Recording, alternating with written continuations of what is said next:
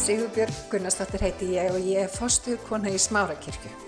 Við langar til þess að bjóða þið velkomin í hlaðvarpan okkar en hér ætlum við að tala uppbyggjandi og hvetjandi orð.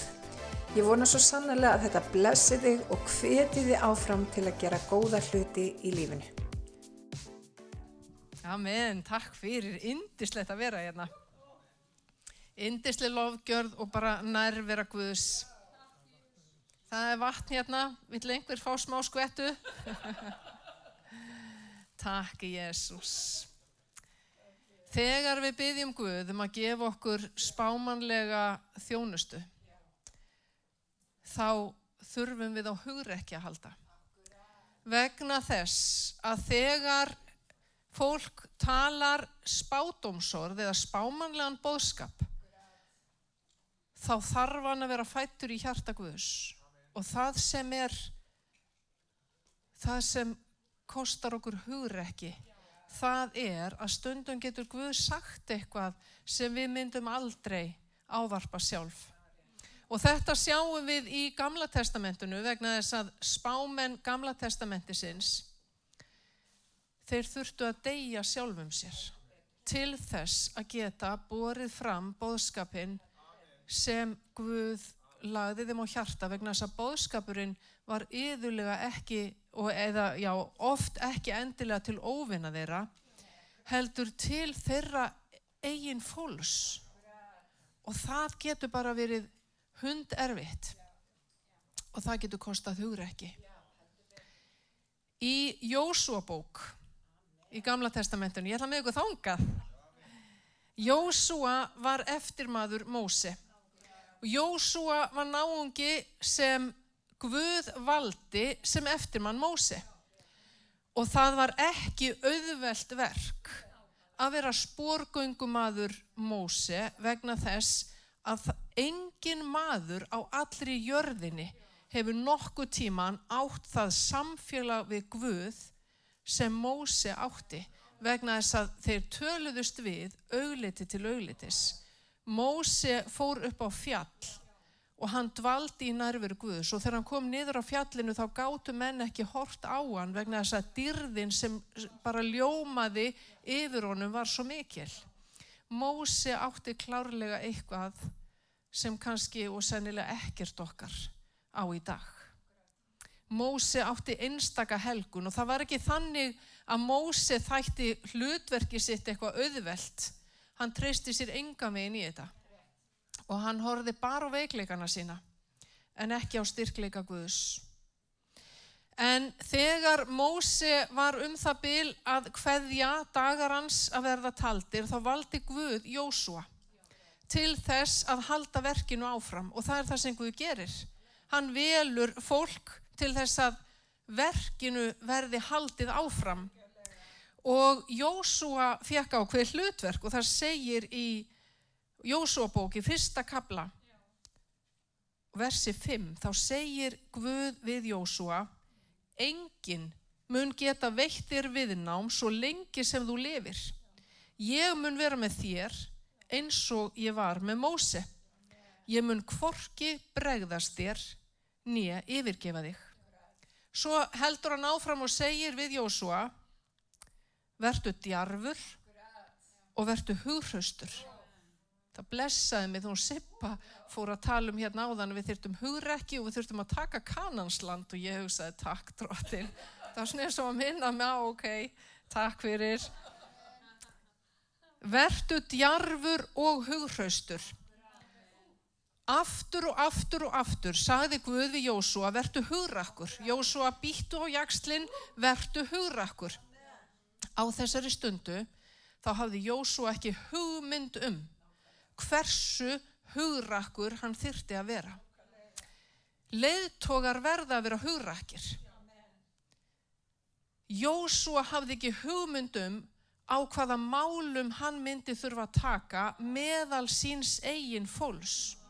Hann vissi að hann var kallaður til að vinna kanansland en hann gerði sér enga grein fyrir því hversu mikið ruggl og bull yrði í gangi meðal hans eigin fólks og þar þurft hann svo sannarlega hugrekki djörfung til að taka á málunum.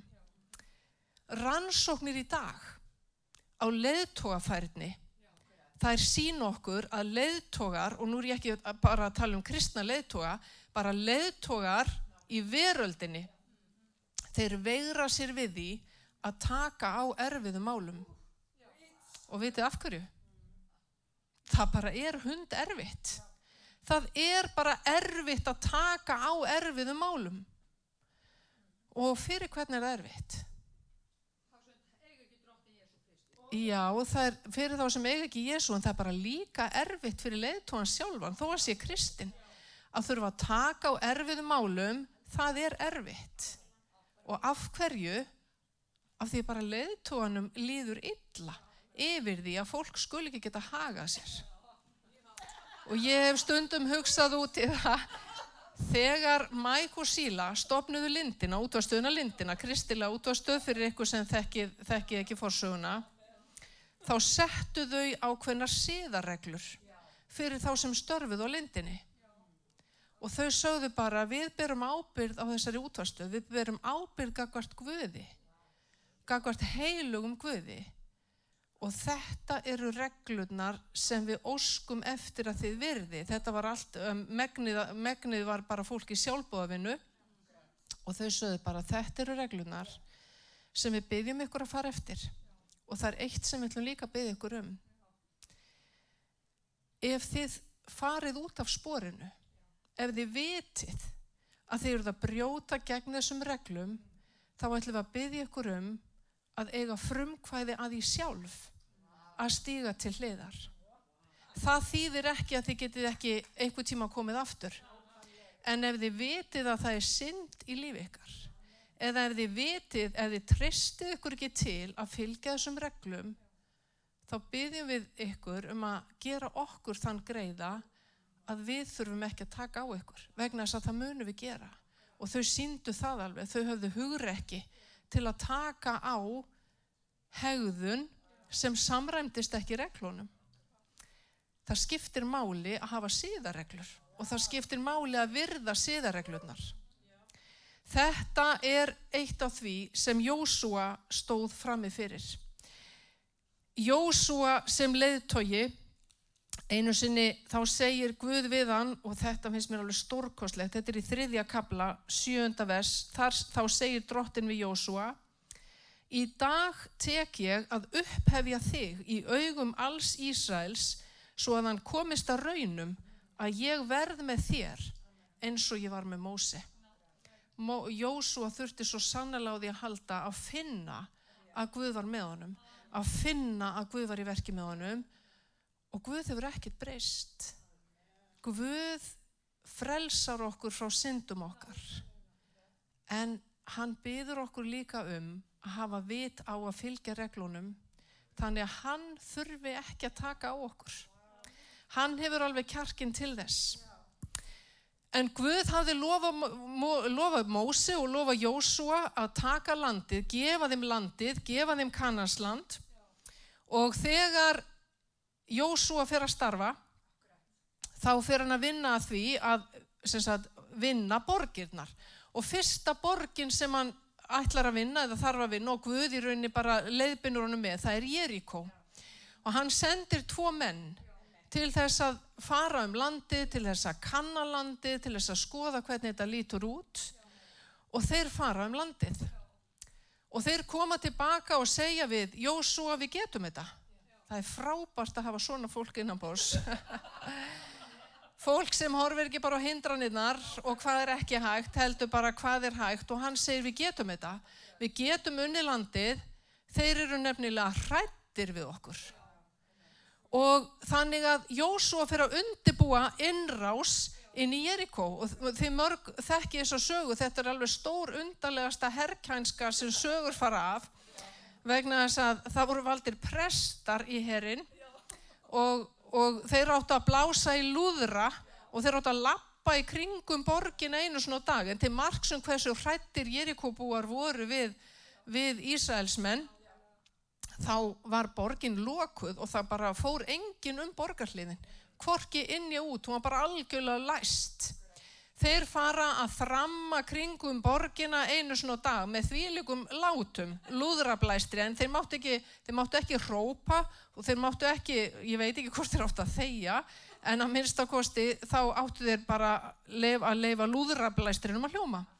Og þetta gera þeir í sjö daga, dag eftir dag eftir dag og sjönda daginn þá fara þeir sjö ringi kringum borgina og þá máttu þeir, þá voru þeir sko orðin svo þreytur á að þeia, þetta er satt guðspjalldakar, að hérna þegar Jósúa segir nú skulið þið æpa heróp, þá bara hrópa þeir af lífs og sálar kröftum eins háttu þeir geta og borgarmúratnir falla. Og þeir fara inn í Jeríkó og þeir vinna borgina. En það er likil atriði varðandi þetta með borgina í sjötta kabla. Þar og þetta var eitthvað sem Guð ákvað, þetta var ekki eitthvað sem, sem Jósúa bara bjóð til. Í sjötta kabla Jósúa bókar, versi 17, þar segir, borgin og allt sem í henni er skal helgað banni. Það tilheyrir drotni.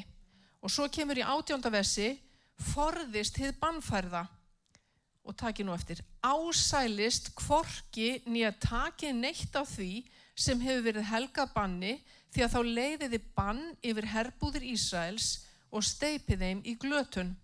Allt silfur og gull og grepir úr eir og járni er helgað drottni og á að fara í fjárheislu drottins. Það sem Jósúa segir við herin og bara við allt sitt fólk, við ætlum að fara inn í þessa borg, við ætlum að sigra hana en þið megið ekki hyrða neitt af eigum jerikomanna. Þið megið ekkert taka og ekkert, hvað er það mikið? Það er nefnilega ekkert. Það er bara ekki neitt. Þið megið ekkert taka ykkur til handa. Og þeir sigra borgina. Þannig að það næsta sem Jósúa gerir er að herja á aðra borg. Það var bara rökrétt framhald og svo bók, borg héttu í skemmtilega nafni Æ, sem sagt ekki Æ, heldur A-I, Æ, en hérna það var alveg Æ, hérna við að herja á þessa borg. En Jósúa fer bara nákvæmlega sömu leið og hann hefði gert með Jerikó. Hann byrjar á að senda tvo menn til þess að kanna landið og þeir fara um landi og þeir koma tilbaka og þeir segja við getum þetta. Það byrjaði bara alveg stórkoslega. Jú, svo við getum þetta.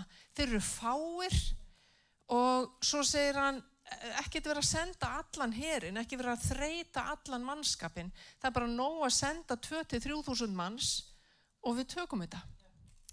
Og Jósúa ákveður að, að fylgja þessu og bara fer eftir leiðbynningunum þeirra. En til að hafa vaði fyrir neða sig þá var hann í efri mörkunum þannig að hann sendir 3000 ekki 2000 og þeir ráðast á æ.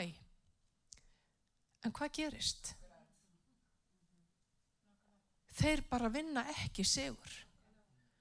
Æ þeir, æ. Þetta var mjög sérstaklega á borð. Æ, þeir réðust á þá þeir æ, þeir hérna brúðust til varnar. Sem sagt æ, þeir réðust bara gegn þeim. Stundum er sókn besta vörnin og það var það sem þeir gerðu. Og þeir bara stöktu Ísælsmönnum á flóta þeir voru bara grimmari og sterkari klárari og betri. Og þeir feldu 36 Ísælsmenn Og þegar Jósúa kemst af þessu, þeir bara töpuðu þessari innrás, þá verður hann algjörlega miður sín. Og Jósúa sem trúaður maður, hann leggst á bæn. Og hann, hann á samt öldungum Ísraels, þeir bara steinleggja í marga klukkutíma fram á kvöld og þeir eru bara algjörlega miður sín, bara hvað gerðist? Af hverju fór þetta svona? Hafði Guð ekki sagt við Jósúa, þú veist, það mun enginn standast fyrir þér, bara eins og ég var með Mósi þannig verði ég með þér. og sagði hann ekki, ég mun aldrei yfirgefa því, ég verð með þér í öllu, býtu hvar var Guð núna? Og þeir fara að byggja. Og þeir byggja og byggja. Og svo enda þeir á að spurja Guð, býtu hvað ætlar þú að gera núna? Og þá segir drottin, Jósua, start upp, bara, tjú, elska hvað Guð getur verið beittur. Þegar hann er ekki að tala um mig þar segja. Hann segir bara, Jósua, ristu á fætur. Af hverju liggur þú hér fram á ásjónu þína? Auðvitað vissi Guð af hverju hann lág aðna. Bara, og, en, og, og það er eins og Guð segir við hann, Jósua, það er gott að byggja, en það kemur að því að þú verður að fara að gera eitthvað.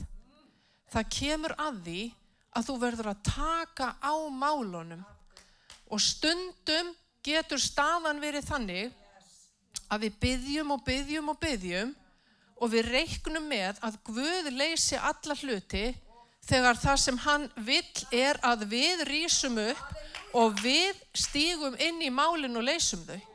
Við getum ekki reiknað alltaf með því að það komi bara rigning eða skí eða jarskjálti eða eldur Guð hefur kallað leiðtoga til þess að taka á málunum. Guð hefur sett leiðtoga til þess að taka á málunum.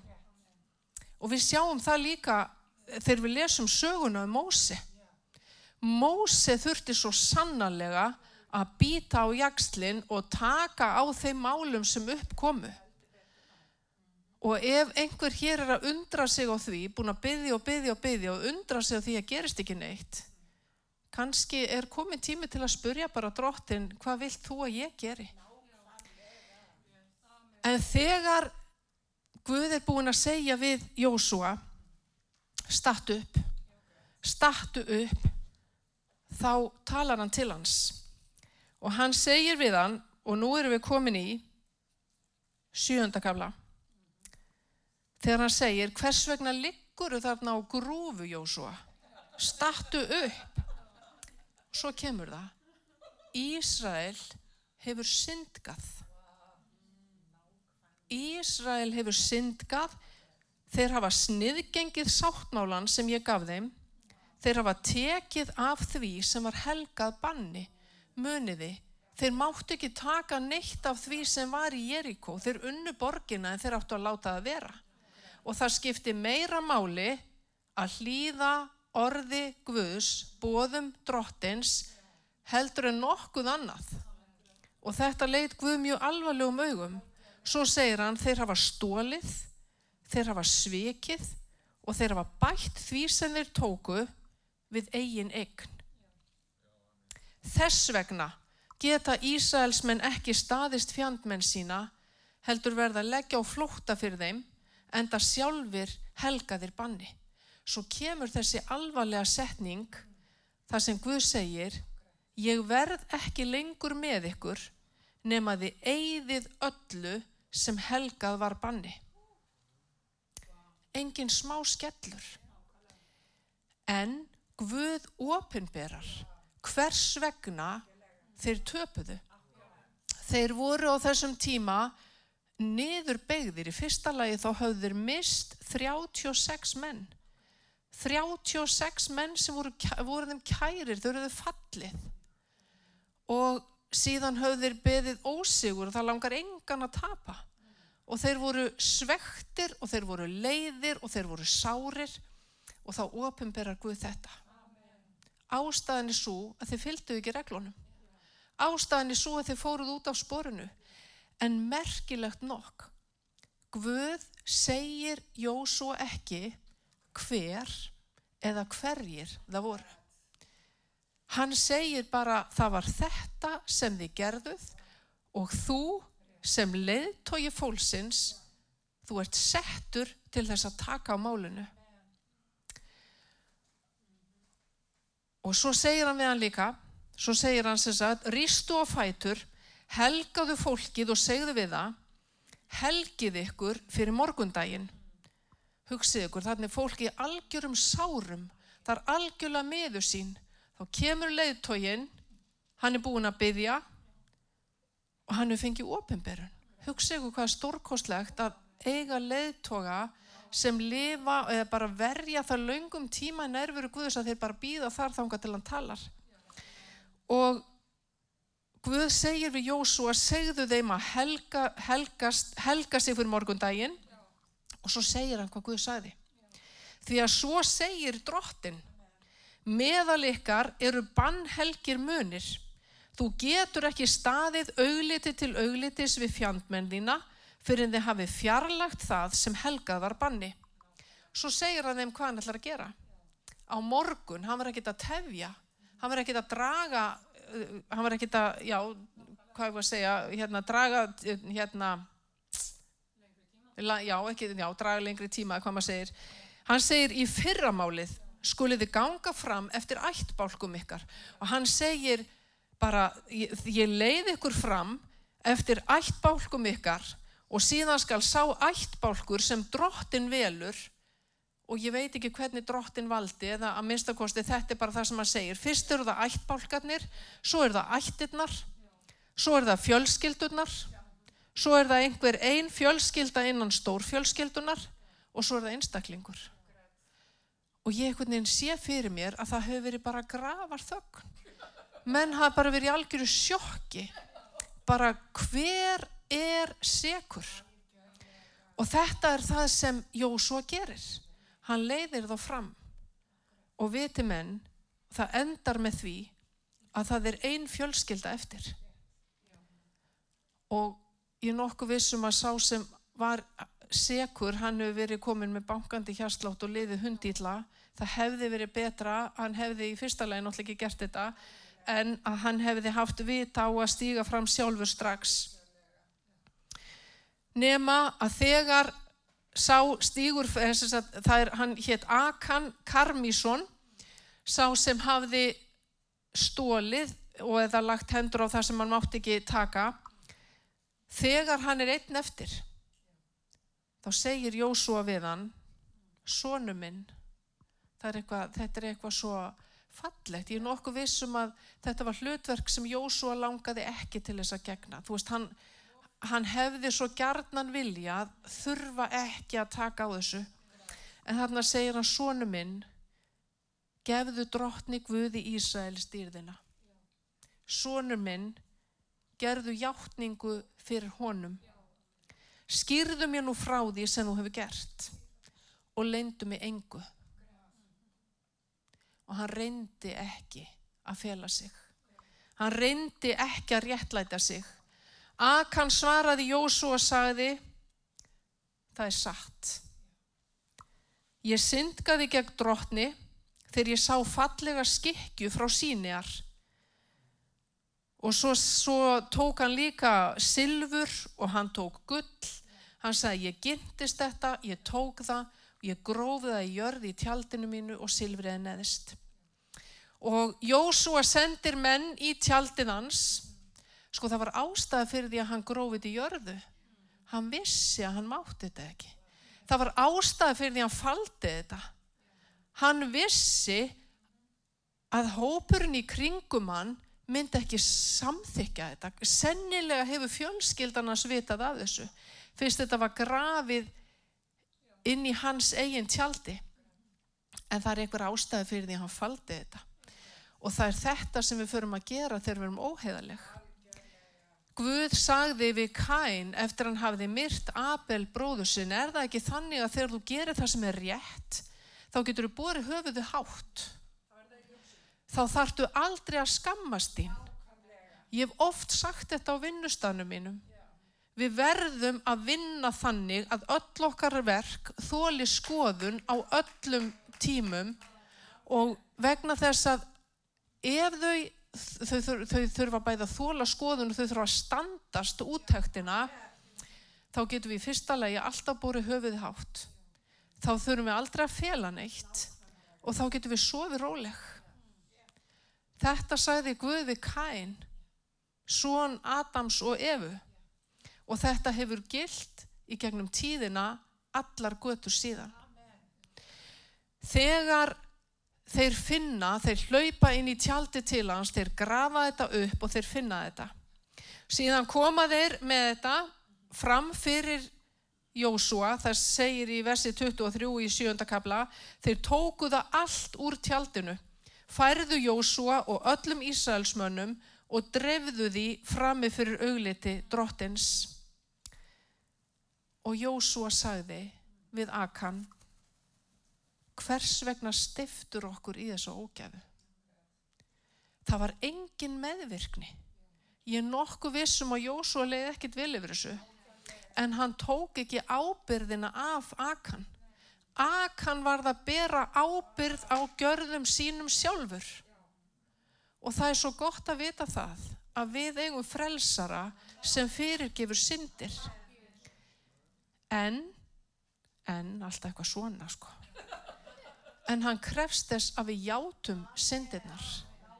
Og hann krefst þess að við látum af þeim að við lifum ekki í synd. Og hann krefst þess að við séum trú í smáu og stóru. En blóð Jésu Krist það reynsar okkur af allir synd. Og stundum getur manni bara liðið hund illa ef maður á einhver lendamál Það segir í Nýja testamentinu sé einhver sjúkur á meðalikar. Þá kalla hann til sín öldunga sapnaðarins og þeir skulle leggja hendur yfir hann og byggja fyrir honum og hann mun verða heil. Og það segir líka á sama stað játið því hvert fyrir öðru syndir ykkar til þess að þið verði heilbreyð. Þetta orð það stendur ennþann dag í dag og Pál Postulu sagði vitiði ekki að heila og randi býr í ykkur? Þið eru mustir í heila sanda. Við, við erum öll mannleg. Og okkur getur öllum orði á. En stundum er gott að vera leiðréttur. Það er ekkit sérstaklega þægilegt. En það stoppar okkur í að fara bara gjörsamlu út í skurð. Það stoppar okkur í að fara lengra gef, Guð gefur okkur tækifæri. Fyrir kannski tæpum þremu vikum, tveimu þremu vikum þá kom ég hérna í kirkjuna í miðri viku. Og þegar ég kem inn í salin að þá eru bara, þá eru allar dyr opnar og það er verið að lofta út. Af því að þegar þeir sem voru fyrstir sem komi hérna inn, komin í salin þá var viðbjóðslega lykt í salnum það hafði einhver skilið eitthvað eftir, einhverja mataleifar sem hafa úldnað og lyktin var viðbjóðsleg og það þurfti að loft út. Og þar sem ég satt þetta kvöld hérna í salnum, þá talaði Guð til mín og hann sagði, þegar það er eitthvað að í lífu okkar, þá er alveg sama hversu mikið við loftum út. Þá er alveg sama hversu mörg lykteiðandi sprey við notum eða ilmvött eða eitthvað til að hrekja burt lyktina, til að hrekja burt slóðina. Hún fer ekki fyrir en orsökin er rifin upp með rótum. Ef það skilur einhver eftir einhverja mataleifa sem úldna, þá er ekki nóg að lofta út. Það þarf að taka pókan og það þarf að fara með hann út og það þarf að hendunum og það þarf að setja hann í rustlið þar sem hann á heima. Ef það er illgresi í lífu okkar, þá þurfum við að reyta það upp með rótum. Ég ætla að ykkur um að standa fætur.